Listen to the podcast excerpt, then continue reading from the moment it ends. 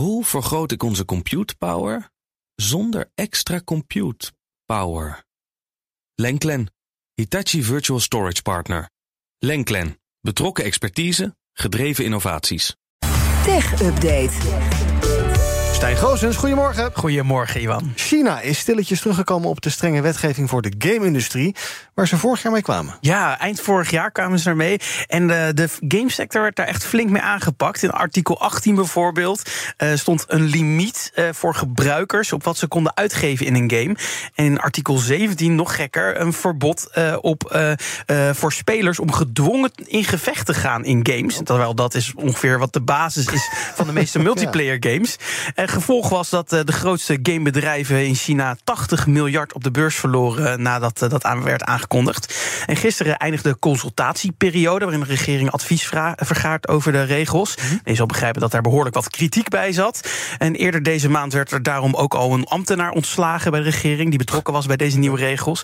En nu is uh, uh, ja, de link online op de website van de regering naar het wetsvoorstel plots verdwenen. Dat is gewoon helemaal weggehaald. Ja, weggehaald, okay. en dat ontdekte Reuters. En, en, dan zou je denken, ja, maar de consultatieperiode is toch afgelopen. Maar dat is dus toch ongebruikelijk volgens analisten. Meestal mm -hmm. blijft die link dus staan. En de verwachting is dat er dus nu mogelijk gewerkt wordt aan een verandering voor die wet. Bijvoorbeeld dat artikel 17 en 18 weggehaald worden, of in ieder geval aangepast worden. En daar reageerden de aandelen van de gamingbedrijven in China dan weer erg positief op. Uh, Tencent en ook NetEase, die stegen in reactie zo'n 7% uh, vannacht. En uh, staan nu nog zo'n 4,5% in de plus. Dus mooi nieuws voor hen. Dan van China naar Rusland. Het Kremlin is zo'n 13 miljoen dollar rijker geworden. Met hartelijke dank aan de firma Apple. Ja, de Russische overheid meldt dat het 13,4 miljoen dollar heeft ontvangen van het bedrijf. En dat is niet een verlaat verjaardagscadeautje voor Poetin of zo, maar een dikke vette boete die de Russen twee jaar terug uitdeelden aan Apple.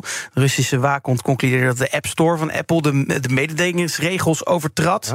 Ja. Uh, zelfde soort zaak als je in de rest van de wereld eigenlijk ziet op dit moment. Uh, namelijk dat ontwikkelaars gedwongen worden om het betaalsysteem van Apple te gebruiken in de App Store, waar Apple dan 30% mee vangt. Mm. En dat ontwikkelaars ook niet mogen verwijzen naar betaalopties buiten de app, uh, buiten Apples ecosysteem.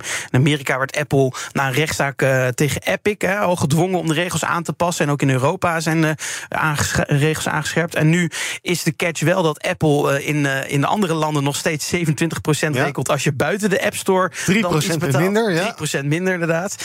En nu heeft Apple dus ook in Rusland de boete maar betaald. Maar ze hebben nog geen belofte gedaan dat ze de regels gaan aanpassen. Dus dat is dan weer net anders. Ja, dat is best wel een gekke relatie tussen Apple en Rusland. Want er worden geen iPhones meer verkocht sinds de inval in Oekraïne.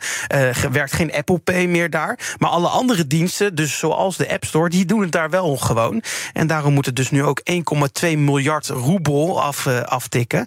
Uh, wel leuk, mooi meegenomen. De prijs was toen de boete werd uitgedeeld 17 miljoen dollar omgerekend. Ja. Dat is nu nog maar 13 miljoen dollar. Ja, dus hoe laat is ze betaalde en hoe, hoe, hoe ja, ver de koers zakte, was het heel gunstig. Ja, ja. is 4 miljoen dollar geschikt. Nou, dat scheelt dan toch weer iets op het vermogen van Apple. Is dat trouwens niet, uiteraard. Nee. dan over Apple gesproken, die strooien met geld. Want stel je maakt muziek, ja. uh, dan uh, kan je terecht bij Apple Music als je meer royalties wil ontvangen, tot wel 10% meer. Ja, Wat moet je, moet je wel aan een uh, bepaalde eis voldoen van Apple, namelijk dat je je muziek ruimtelijk moet afmixen in oh ja. spatial audio of Dolby Atmos, zo kennen mensen het ook wel. Betekent dat de muziek dan wat ruimtelijker klinkt in plaats van alleen stereo of mono.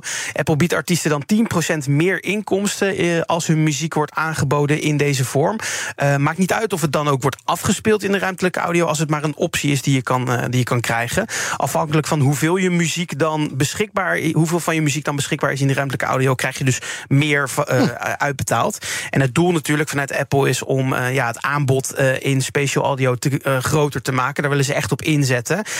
maar eerlijk gezegd, dat geld kan je ook wel gebruiken als artiest, want zoveel krijg je niet betaald. En het kost ook nog eens extra tijd en extra geld dus mm. om dit in spatial audio af te mixen. En is dat dan toevallig ook nog een bedrijf van Apple waar ze weer bakken met geld mee verdienen door dat nee, afmixen? Nou ja, kijk, Apple Music, die, die willen natuurlijk dat mensen dat meer gaan. Uh, nee, Dolby Atmos is niet van uh, Dolby is niet van Apple volgens mij. Dus, hm. Maar Dolby is wel degene die er dan weer uh, waarschijnlijk wat ja, mee is het, is het wat dat special audio of een?